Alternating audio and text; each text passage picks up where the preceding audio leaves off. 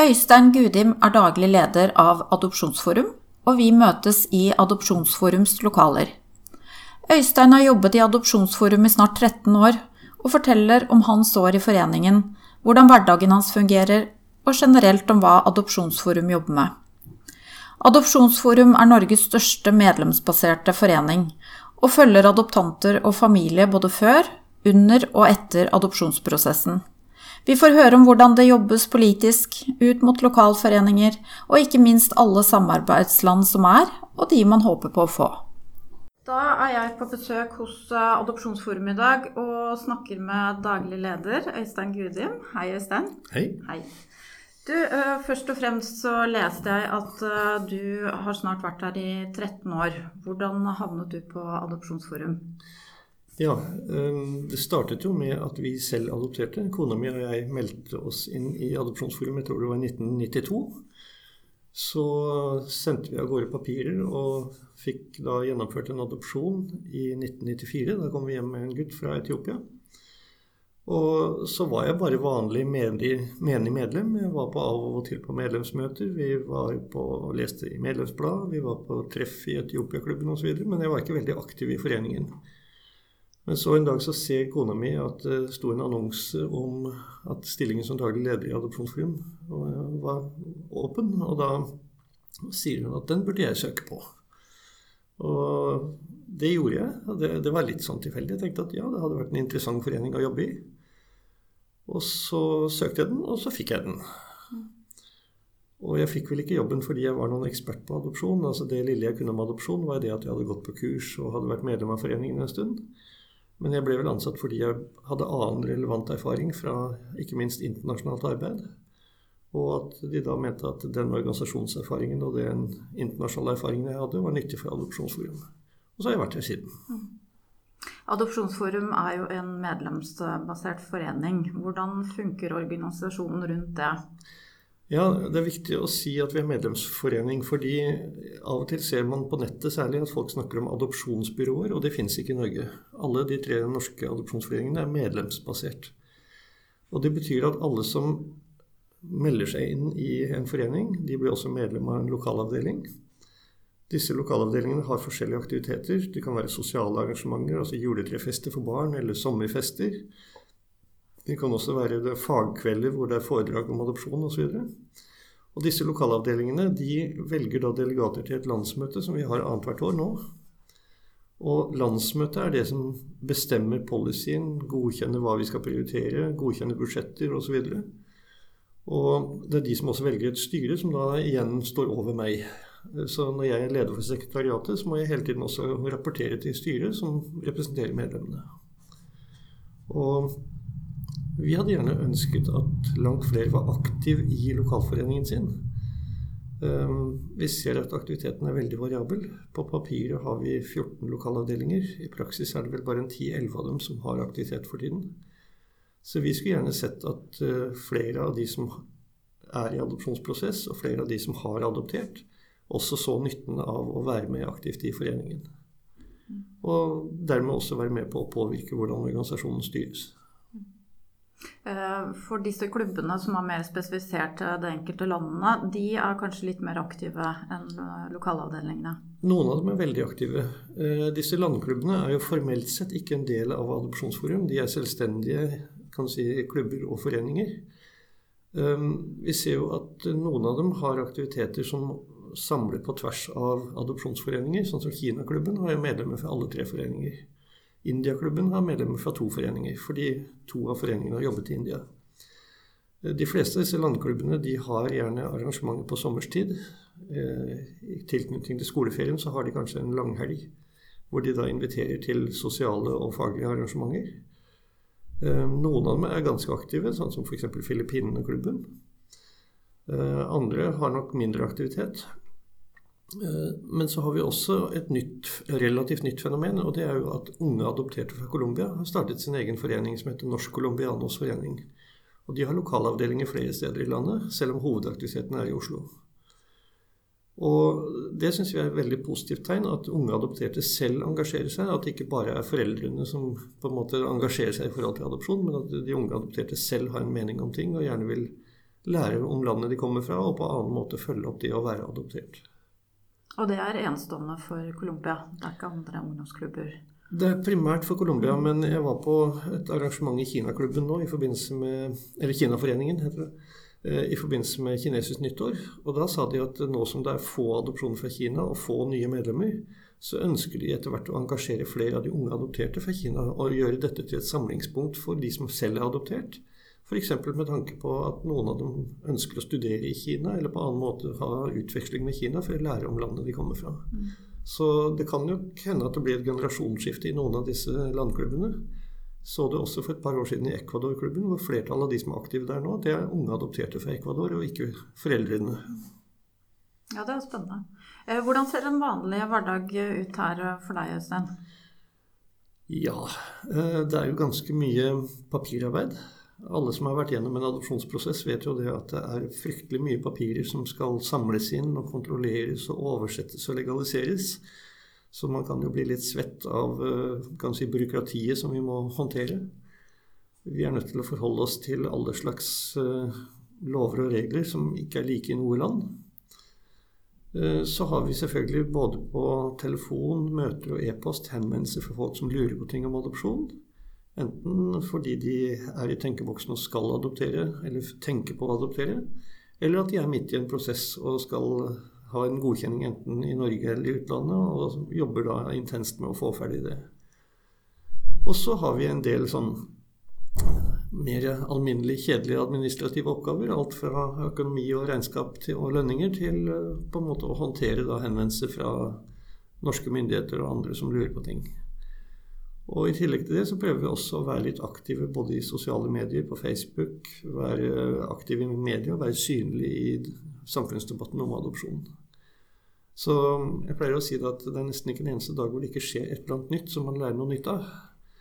Men det er jo det er en vanskelig bransje å jobbe i, for det er så mye kompliserende faktorer ved at alle land har forskjellige lover, alle land har forskjellige systemer. Og vi skal hele tiden være à jour på alle endringer som foregår, både i Norge og utlandet, og det er litt av en jobb. Eh, jeg har jo selv vært og hentet i Colombia, og eh, vi ble jo godt tatt vare på når vi var der borte av deres samarbeidspartnere. Hvordan fungerer et sånt samarbeid med Adopsjonsforum og, og landet?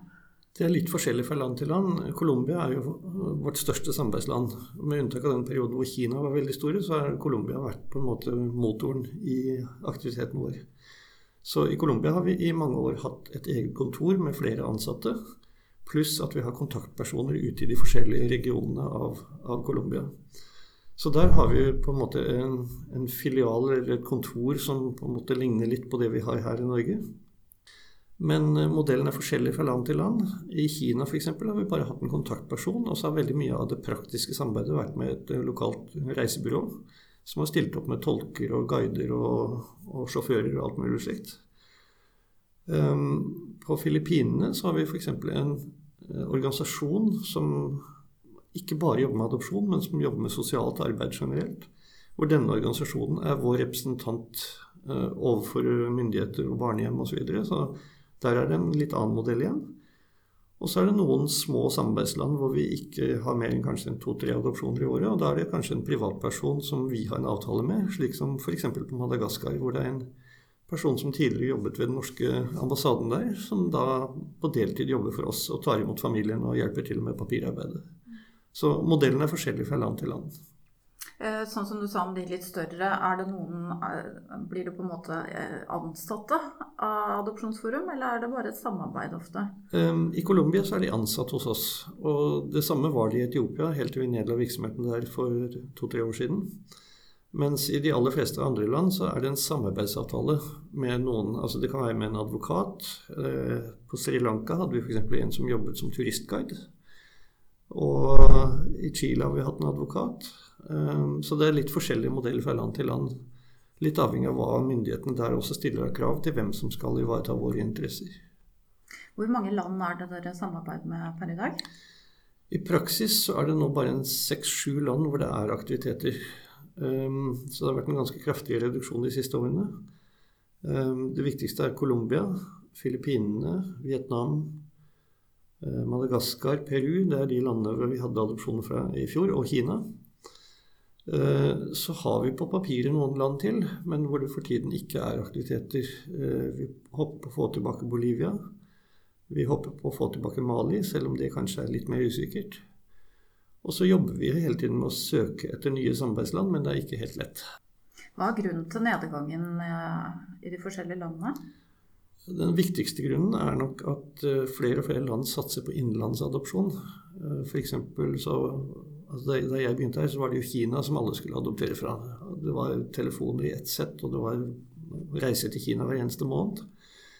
Ehm, men så sluttet jo Kina seg til den internasjonale konvensjonen om adopsjon, altså som heter Haag-konvensjonen.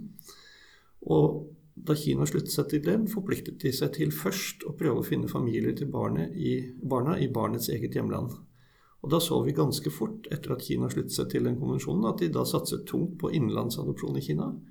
Og dermed falt jo antallet adopsjoner til utlandet.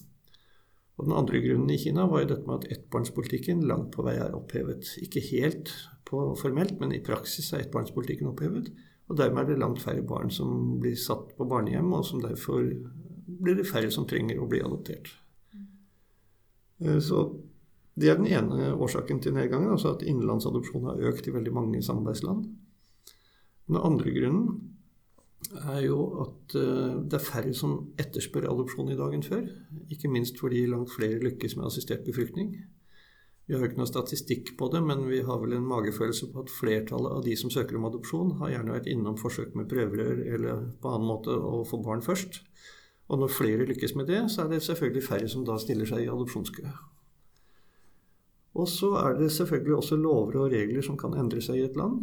Ehm, vi stengte jo selv ned samarbeid med Etiopia i 2015 fordi vi så at det var veldig komplisert å jobbe der. Det var veldig synd, fordi behovet for adopsjon i, i Etiopia var jo absolutt til stede. Men eh, i ettertid så har vi skjønt at dette var politisk også veldig kontroversielt i Etiopia. Så nå for noen få måneder siden så vedtok etiopiske myndigheter å stanse utenlandsadopsjon. Og Det samme har vi sett i Russland. Altså, Russland var jo også et stort adopsjonsland lenge. Men så så vi at russiske myndigheter da mer og mer satsa på bakbeina i forhold til en del samarbeidsland, særlig USA. Og det hadde mer med politikk å gjøre enn noe annet.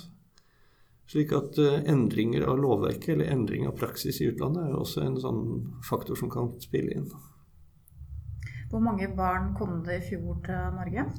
I fjor kom det 125 barn til de tre foreningene. 49 av dem til oss, så vi er fortsatt den største foreningen.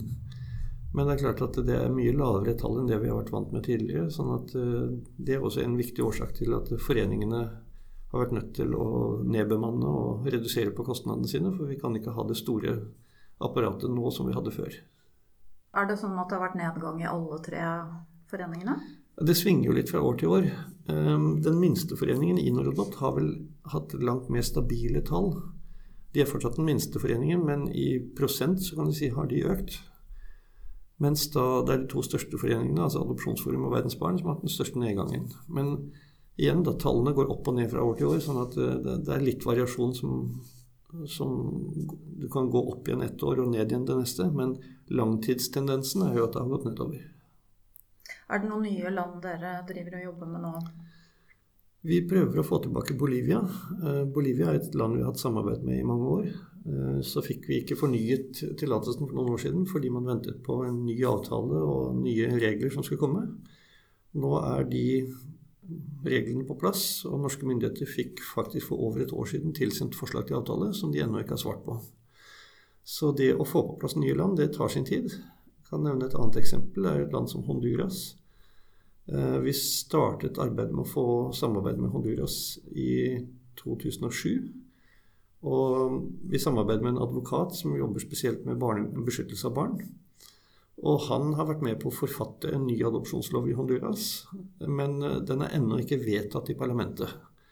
Eh, det siste vi hørte fra han var at han håpet at den nye loven da skulle bli vedtatt i løpet av første halvår 2018, men det gjenstår å se. Så det å få til en lovendring i et land som Honduras, det tar tid. Og før den loven er på plass, så får ikke vi tillatelse fra norske myndigheter til å jobbe der. Eh, det har jo vært litt svingninger, som du sier. Eh, på det meste, hvor mange barn kom det til Norge i løpet av din periode her? Um, rekorden var litt før jeg begynte. Altså I 2002 så hadde Norge 747 adopsjoner fra utlandet. mot da 125 i fjor. Um, og på det tidspunktet, altså i 2002, så var Norge antagelig det landet i verden som hadde flest adopsjoner fra utlandet i forhold til folketallet. Um, men uh, i dag så ligger vi nok et litt, uh, lite stykke lenger ned på, på, statistikken. Jeg tror svenskene ligger foran oss, bl.a. Hvis du ser på internasjonal, internasjonal, adopsjon, så har den aldri vært et stort fenomen sånn globalt. Eh, på det meste, og det var i 2004, så var det ca. 17 000-18 000 internasjonale adopsjoner i hele verden som var registrert. Og eh, Nei, skal jeg si 7-48 000 i 2004. Mens i dag så ligger det på sånn pluss-minus 14 000-15 000. Eh, og hvis man da sammenligner det med antall barn som bor på barnehjem, og da snakker vi om millioner, eller antall barn som av ulike grunner ikke kan bo hos sin egen eh, familie, så er det klart at internasjonal adopsjon er, er ikke engang en pølse i slaktetida i forhold til det store behovet som finnes for å beskytte barn. Har det forandret seg også i løpet av din tid her eh, noe i forhold til adopsjonsprosesser, eller har det vært jevnt hele tiden? Det er nok blitt litt mer krevende etter hvert. Eh, altså Med den nye konvensjonen som kom, og reglene som er utviklet i nye land, så er det klart at det er blitt noe mer byråkrati, på godt og vondt. På godt i den forstand at kontrollen er blitt mye bedre. Det var jo en del adopsjoner som passerte for 20-30 år siden, som neppe ville passert i dag. Fordi kontrollsystemet var ikke godt nok. Så på en måte så er det blitt bedre ved at kontrollen er blitt bedre. På den annen side så har det blitt mer tungrodd fordi byråkrati og krav til dokumenter og prosess eh, tar lengre tid enn før. Eh, nå så jeg at den nye regjeringserklæringen så eh, skrev de at de skulle arbeide for at adopsjon skulle bli raskere og enklere. Det er å håpe, men jeg tror det ikke før jeg ser det. Det ble jo vedtatt en ny adopsjonslov i Norge i fjor sommer. Den er ikke trådt i kraft ennå. De jobber fortsatt med å få på plass regelverket rundt det. Og jeg skal være positiv hvis det blir raskere og enklere prosesser, men jeg har ikke sett det ennå. Eh, når det gjelder adopsjon av større barn med omsorgsbehov, eh, har det vært en økning der? Ja, og det har vi sett. Det har vært et markant skille. Det begynte sånn på slutten av 2008-2009 så så vi at det begynte å bli en økning i antall barn som kalles da barn med spesielle omsorgsbehov. Dvs. Si gjerne barn som er over fem år eller barn som har en eller annen helseanmerkning, eller større søskengrupper. Og den andelen økte ganske kraftig. Det høyeste andelen var faktisk i 2016, altså for halvannet år siden. Da sa vi at bortimot to tredjedeler av de barna som kom til Norge gjennom vår forening den gangen, var barn som var klassifisert som såkalt barn med spesielle omsorgsbehov. Vil si at uh, de adopsjonene krevde en ekstra godkjenningsprosess i Norge. Det er et eget utvalg som eh, Barne-, ungdoms- og familiedirektoratet har. Og dette utvalget skal da godkjenne matchingen som kommer fra utlandet, med den familien. Og familien må begrunne og dokumentere at de har satt seg godt inn i hva som er barnet eller barnas behov, og dokumentere at de har forberedt seg godt på å ta imot akkurat dette barnet. Og heldigvis så blir de aller fleste sakene som går til dette utvalget, godkjent, men eh, vi har også hatt en del saker som har blitt avslått. Så selv om folk har stått i kø lenge, de har vært godkjent i Norge, de har vært godkjent i utlandet, de får en matching fra utlandet som er godkjent, så er det fortsatt et siste hinder, og det er å bli godkjent i Norge for annen gang. Og unntaksvis så, så skjer det dessverre da at den matchingen ikke blir godkjent. Jeg har skjønt at uh, akkurat dette utvalget er spesielt for Norge? Det er en spesiell norsk ordning. Um, Igjen så er det sånn at alle land har litt forskjellige regler. Behøver ikke gå lenger enn til Sverige og Danmark for å se at det er forskjellige systemer i forhold til hva vi har. Altså, I Danmark så kan du få en forhåndsgodkjenning for å ta imot et barn med spesielle helseutfordringer. Mens i Norge får du bare en generell godkjenning først. Og så når matchingen foreligger med et barn, så må du da tilbake til myndighetene og få den særskilte godkjenningen for dette spesielle barnet. Og jeg pleier å si at det er kanskje ikke barna som er spesielle, men det er litt spesielle foreldre. Dvs. Si foreldre som er litt spesielt godt motivert for å ta til seg et barn. Eh, disse barna, er det noe dere får forespørsel om å legge frem for norske foreldre? Noen ganger så gjør vi det. Eh, altså Flertallet av de sakene er ordinære matchinger, dvs. Si at myndighetene i utlandet har funnet ut at denne familien fra Norge er en god familie for dette barnet. Og så sendes de papirene til oss, og så skal vi da gjennom en prosess for å se om dette må ha en ekstra godkjenning eller ikke. Men av og til så hender det også at uh, utenlandske myndigheter leter etter en egnet familie. Uh, tidligere så la vi ofte ut saker på det vi kaller barn. Det var i hvert fall den gang vi brukte det veldig aktivt, så var det vår best besøkte side på hjemmesiden vår. Altså hver gang det var en liten gutt eller jente som trengte en ny familie med litt spesielle uh, ønsker for hva denne familien skulle tilby, så fikk vi veldig mye henvendelser.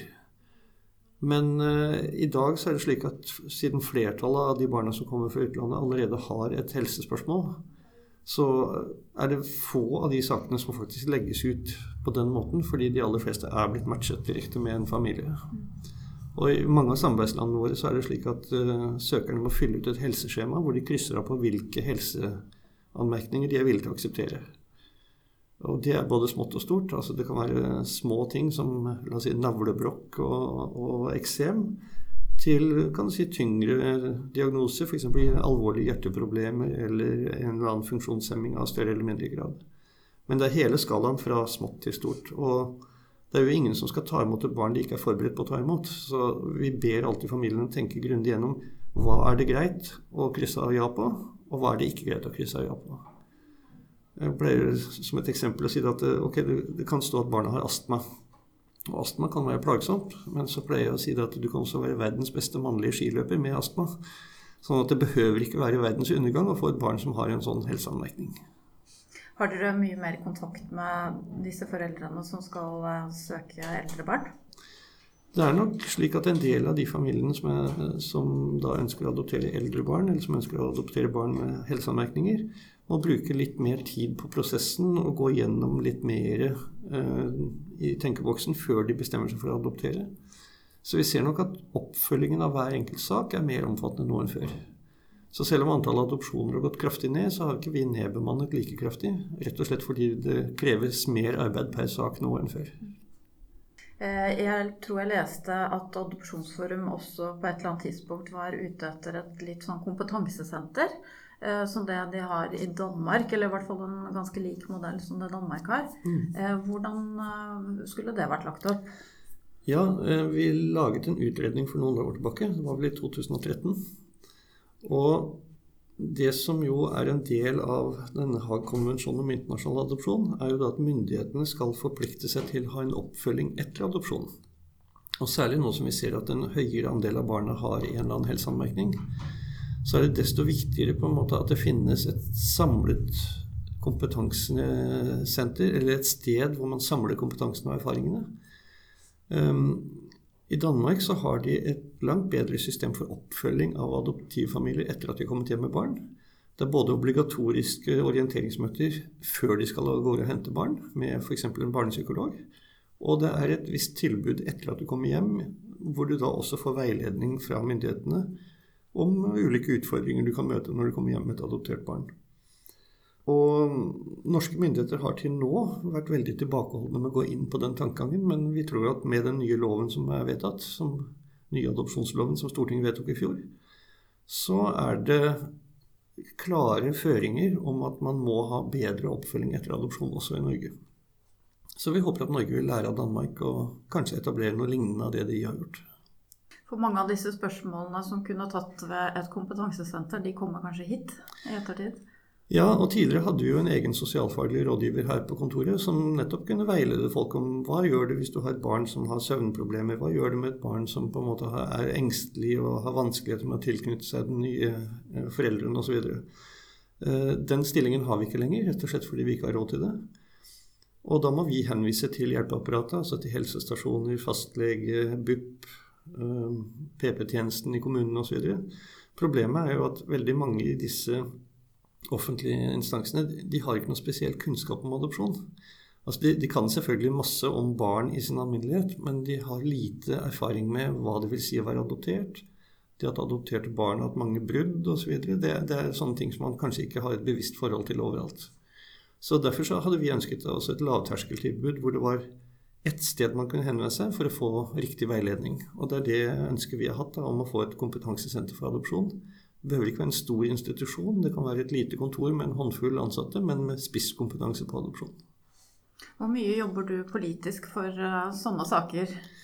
Vi jobber en del med det. Nå har vi et eget politisk utvalg i Adopsjonsforum også. Så vi har jo vært en del ganger rundt på Stortinget. Vi har vært uh, i møte med statsrådene, i hvert fall ikke den nyeste, da, men uh, med tidligere statsråder. Og vi har også hatt en god del kontakt med politiske partier for å prøve å påvirke dem. Og vi merket jo det da Stortinget behandlet adopsjonsloven i fjor sommer. Så var det tydelig at de hadde tatt hensyn til en del av de kommentarene som har kommet både fra de tre adopsjonsforeningene, men også fra en gruppe utenlandsadopterte, som også har et eget politisk utvalg som driver lobbyarbeid. Um, så vi merket jo det at uh, vi fikk et visst gehør for bl.a. dette med bedre oppfølging etter adopsjon. Når det gjelder litt sånn informasjon om adopsjon, eh, er det mye rundt å holde foredrag? Mm, ja og nei. Jeg skulle gjerne vært mye mer. Um, jeg har kanskje her i Oslo så har vi kanskje fem ganger i året det vi kaller en åpen dag. Hvor vi inviterer folk som er interessert i adopsjon, gjerne folk som har henvendt seg til oss og lurt på et eller annet. Og, og som er én måte å holde foredrag på. Men eh, det, jeg skulle gjerne vært mer rundt omkring i landet. Vi har jo lokalforeninger. Jeg har vært liksom i, i Sandnessjøen tidligere i år. Nei, i fjor, mener jeg. Jeg har vært i Tromsø. Jeg skulle gjerne vært både i Bergen og Trondheim og rundt forbi. Jeg, flere ganger hvis det var interesse for det. Så noen, noen, ganger så er det høy aktivitet, andre ganger så er det litt laber aktivitet. Så jeg tror nok at det, det burde vært mer informasjon og flere arrangementer rundt om i landet. Hva er det som er viktig å informere om når eh, noen sitter i startgropa til en adopsjon? Jeg tror noe av det viktigste er å ta hull på en del myter. Eh, altså myten om at det er en uendelig tid det tar å adoptere. Det er klart at det er stor variasjon. Eh, I fjor så hadde vi en familie som brukte bare elleve måneder fra start til mål. Altså fra de startet søknadsprosessen i Norge til de var hjemme med barn, tok det bare elleve måneder. Det er riktignok da ikke normalen. Det motsatte ytterpunktet vi hadde i fjor, var en familie som faktisk hadde vært i prosess i tolv år før de kom hjem med barn. Så et sted mellom ett år og tolv år, eh, det kan variere veldig. Men gjennomsnittstiden for nye søkere er på vei ned. Men vi skjønner jo det at folk eh, kan bli skremt av å høre om de som har stått i kø i årevis, og som står og står og står i kø, og som blir veldig frustrert i prosessen. Eh, jeg skjønner jo da at de fleste er ikke innstilt på å planlegge for tre, fire, fem, seks år, men eh, man må være forberedt på alle eventualiteter. Eh, bare huske på vår egen adopsjonsprosess, så fikk jo vi beskjed da vi hadde sendt søknaden at nå hører dere ikke noe fra oss på et år eller så. Og så fikk vi faktisk et forespørsel etter bare sju måneder, og det var mye raskere enn vi hadde forestilt oss den gangen.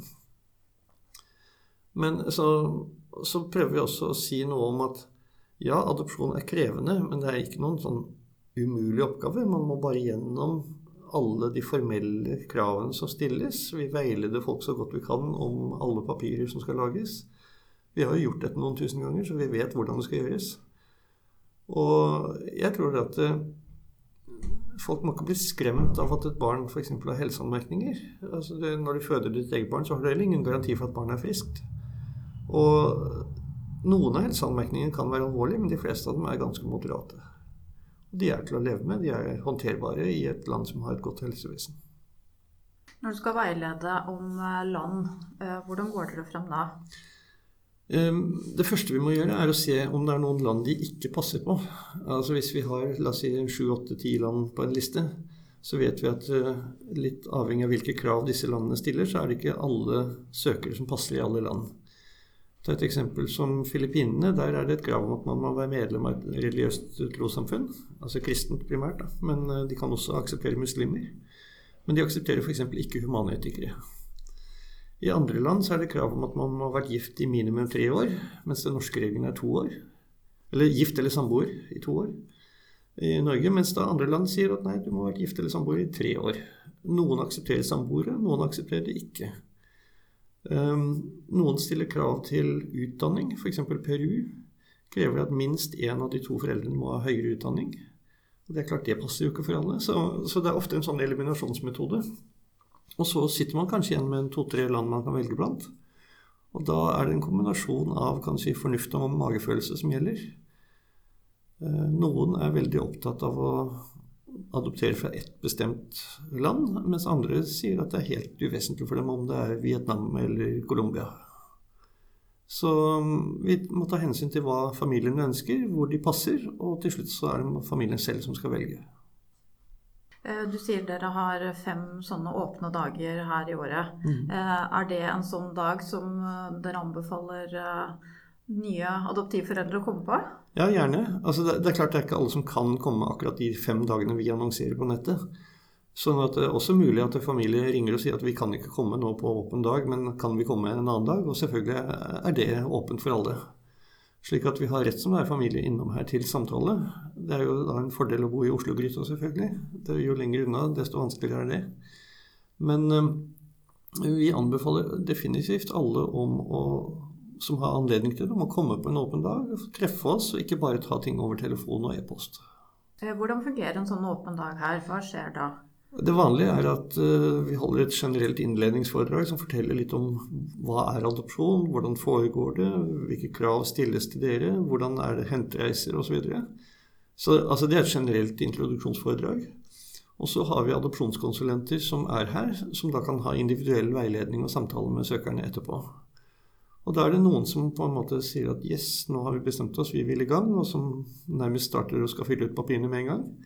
Og så er det de som sier at ja, hm, ja, nå har de fått masse nyttig informasjon, men de må hjem og tenke litt. Og så Noen kontakter oss kanskje etter få dager, mens andre hører vi ikke noe fra. Og så plutselig et år etterpå så får vi en telefon fra dem at jo, nå vil de i gang. Så det er veldig variabelt. Det vi vet, er jo at en god del kanskje er i en prosess med prøverør. Og så har de begynt å lure på adopsjon som alternativ. Og da er jo de norske reglene slik at det forventes at man har fullført eventuelle prøverørsforsøk før man bestemmer seg for adopsjon. Og Det er ikke noe vi har bestemt, det er noe som norske myndigheter sier. At de vil at når folk skal adopteres, det, skal de ha bestemt seg for at det er det de vil, og ikke at det er en sånn plan B hvor de bare skal ha et prøverørsforsøk eller to til først. Så øh, jeg er ikke så veldig overrasket over at noen da kanskje kommer på en åpen dag, får med seg informasjonsbrosjyrer, sitter og har dette liggende på bordet hjemme. Og så skal de bare gjøre et forsøk eller to til først, og så kommer de tilbake kanskje etter seks måneder eller et år. Eh, nå har du jo jobbet mange år i Adopsjonsforum. Er det mange solskinnshistorier? Det er mye solskinnshistorier, eh, men selvfølgelig ikke bare. Altså, typiske solskinnshistorie er jo det at man står i en kø, det går rimelig greit og fort, man får hentet barn, og ting går som det skal. Men så er det selvfølgelig også noen eh, historier om de som har gitt opp underveis. Dessverre så ser vi det at det er en del familier som da av ulike grunner trekker seg fra prosessen. Enten fordi det har tatt for lang tid, eller det kan ha oppstått familie, problemer i familien, sykdom. Det hender jo at folk blir skilt, og da må de stoppe adopsjonsprosessen. Så det er ikke bare solskinnshistorier. Og så ser vi selvfølgelig også at noen av de familiene som får med barn, de er kanskje lykkelige og glade i starten, og så opplever de at oi, her var det noen utfordringer som krevde litt mer av oss enn vi var forberedt på. Så vi kan ikke skjønnmale adopsjonen med å si at alt er bare solskinn og glede, selv om det gjelder flertallet. Jeg pleier gjerne å si på åpen dag at uh, det vi gjør med adopsjon, er å adoptere andre lands barnevernsbarn. Og da er det noen som blir litt sånn redde når de hører det. fordi altså, Hvis alt var solskinn og glede, så var det jo ingen barn som trengte å bli adoptert. Altså Hvis uh, barn vokser opp i en familie som fungerer greit, og som har til, livsopphold, så skal det ikke barna adopteres. Så det er jo gjerne da uh, historier med enslige mødre med fedre som stikker av det er familier med sykdom, det er familier med rus- eller kriminalitetsproblemer. Det kan være foreldre som har mishandlet barna sine, og som er blitt fradømt retten til å ha barna. Så jeg pleier å si at i bunnen for enhver adopsjon så ligger det først en tragedie. Den tragedien at barnet ikke kan vokse opp i sin egen familie. Eh, jeg vet jo det er mange som er tilbake på tilbakereiser. Mm. Eh, hvilken rolle spiller dere i denne? Ja, Tidligere så hadde vi en ansatt her, som, eller to ansatte som jobbet en god del med det. Eh, det har vi ikke lenger, men en av de som har gått av med pensjon hos oss, hun har nå dette som sin eh, kan si, jobb ved siden av det å være pensjonist. Så vi organiserer hvert år flere tilbakereiser til samarbeidsland. Det kan være til Kina, det kan være til Colombia, det kan være til Filippinene, Etiopia. Um, så vi har en egen del av hjemmesiden vår hvor vi annonserer den typen turer. Hun som har ledet dette arbeidet, har jo nå f.eks. organisert tilbakereiser til India i 25 år. Så det gjorde hun både mens hun var ansatt hos oss, og nå etter at hun har gått av med pensjon. Slik at uh, vi vet at det er mange som er interessert i tilbakereiser. Noen bare fordi de vil oppleve landet på nytt, og at barna skal få lov å lære litt om landet de kommer fra. Mens andre kanskje har en dagsorden om at de også er på jakt etter biologisk familie og ønsker å finne den biologiske familien. Eh, det er ikke så ofte man får til det under den typen hentereiser, men det er kanskje det som trigger det arbeidet seinere. Er dere behjelpelige med å lete opp opplysninger på biologisk familie? Eh, ja, i, så langt vi kan, så er vi det. Altså, bare rett før du kom nå, så satt jeg med en henvendelse fra en familie som adopterte et barn fra Polen og som da har en god del opplysninger om biologisk familie, og som da ønsker at vi skal hjelpe dem å prøve å spore opp en biologisk mor i dette tilfellet her. Så nesten hver eneste uke så har vi en del sånne henvendelser, spesielt mange fra Colombia. Siden det er vårt største samarbeidsland, så vi har jo en av de personene som jobber for oss i Colombia, har ofte den typen oppdrag med å prøve å lete etter familie. I de fleste tilfeller så finner man noen. I noen få tilfeller så finner man det ikke. Og det er klart det Eh, kortversjonen er liksom at enten så finner man biologisk familie, og det blir en happy end, og man syns det er hyggelig på en måte å, å, ha to familier, både den i Norge og den i utlandet. I andre tilfeller så finner man ut at nei, det er ikke mulig å spore opp biologisk familie, eller at biologiske foreldre er døde, eller på annen måte ikke er eh, mulig, mulig å ha kontakt med. Så vi prøver å forberede disse unge adopterte på tre mulige utvalg. En happy end, en sånn halvveis happy end, i den forstand at du får vite litt, men ikke nødvendigvis etablere noen god kontakt med, med din biologiske familie. Og så er det de som vi ikke finner noen ting for. Så vi prøver å si til dem at alle de tre mulighetene er der. Eh, er Adopsjonsforum med på disse tilbakereisene? Det er litt forskjellig. Noen ganger så har vi med en reiseleder fra oss. Andre ganger så har vi en av våre lokale kontakter som er reiseleder i, i utlandet. Og f.eks. i Kina så har vi jo en av de som i mange år jobbet som tolk og guide for det reisebyrået vi brukte. Han har nå nylig vært i Norge, og han har etablert sitt eget firma. Hvor han nå har spesialisert seg på tilbakereiser for adoptivfamilier fra Kina. Så da bruker vi denne kineseren som snakker godt engelsk, og som på en måte kan systemet og kjenner mange av adoptivfamiliene fra tidligere. Så det må ikke nødvendigvis være noen fra Norge som er med på reisen, men det er litt forskjellig fra, fra land til land. Hvor store grupper er det snakk om? Det kan være alt fra en to-tre familier sammen, altså da snakker vi kanskje en 10-15 mennesker, opp til at vi har hatt grupper på opp mot 40. Eh, det som ofte skjer f.eks. i Kina, er at barna er blitt adoptert fra forskjellige provinser. Så ofte er det slik at de reiser sammen ned til Kina. Så deles de kanskje opp i litt avhengig av hvor de, hvor de skal, f.eks. besøke det gamle barnehjemmet barnet kom fra osv. Og, så og så at man møtes igjen for å oppsummere oppholdet og, og, og, reise hjem sammen igjen. Men dette er litt forskjellig fra land til land. Hva slags erfaring har dere fra de tilbakereisende? I all hovedsak veldig positivt. Det er klart For noen er det litt tøft. Eh, for noen av disse ungdommene å på en måte komme til et barnehjem som kanskje trigger en del dårlige minner. Eh, for noen så kan det være ganske tøft å vite at her ble jeg forlatt på gata. Slik at vi prøver derfor å ha med noen som er erfarne i dette her, og fordi veldig mange av disse ungdommene eh, trenger kanskje noen å prate med rundt dette. Fordi adopsjon kan for noen være litt sånn vanskelig og sårt tema, og da er det viktig at man ikke er aleine når man sitter og, grubler over ting. Eh, hvor unge er disse barna som drar på tilbakereise? Ja, hvis de reiser sammen med foreldrene, så er det ofte snakk om barn i sånn 10-12-13-årsalderen.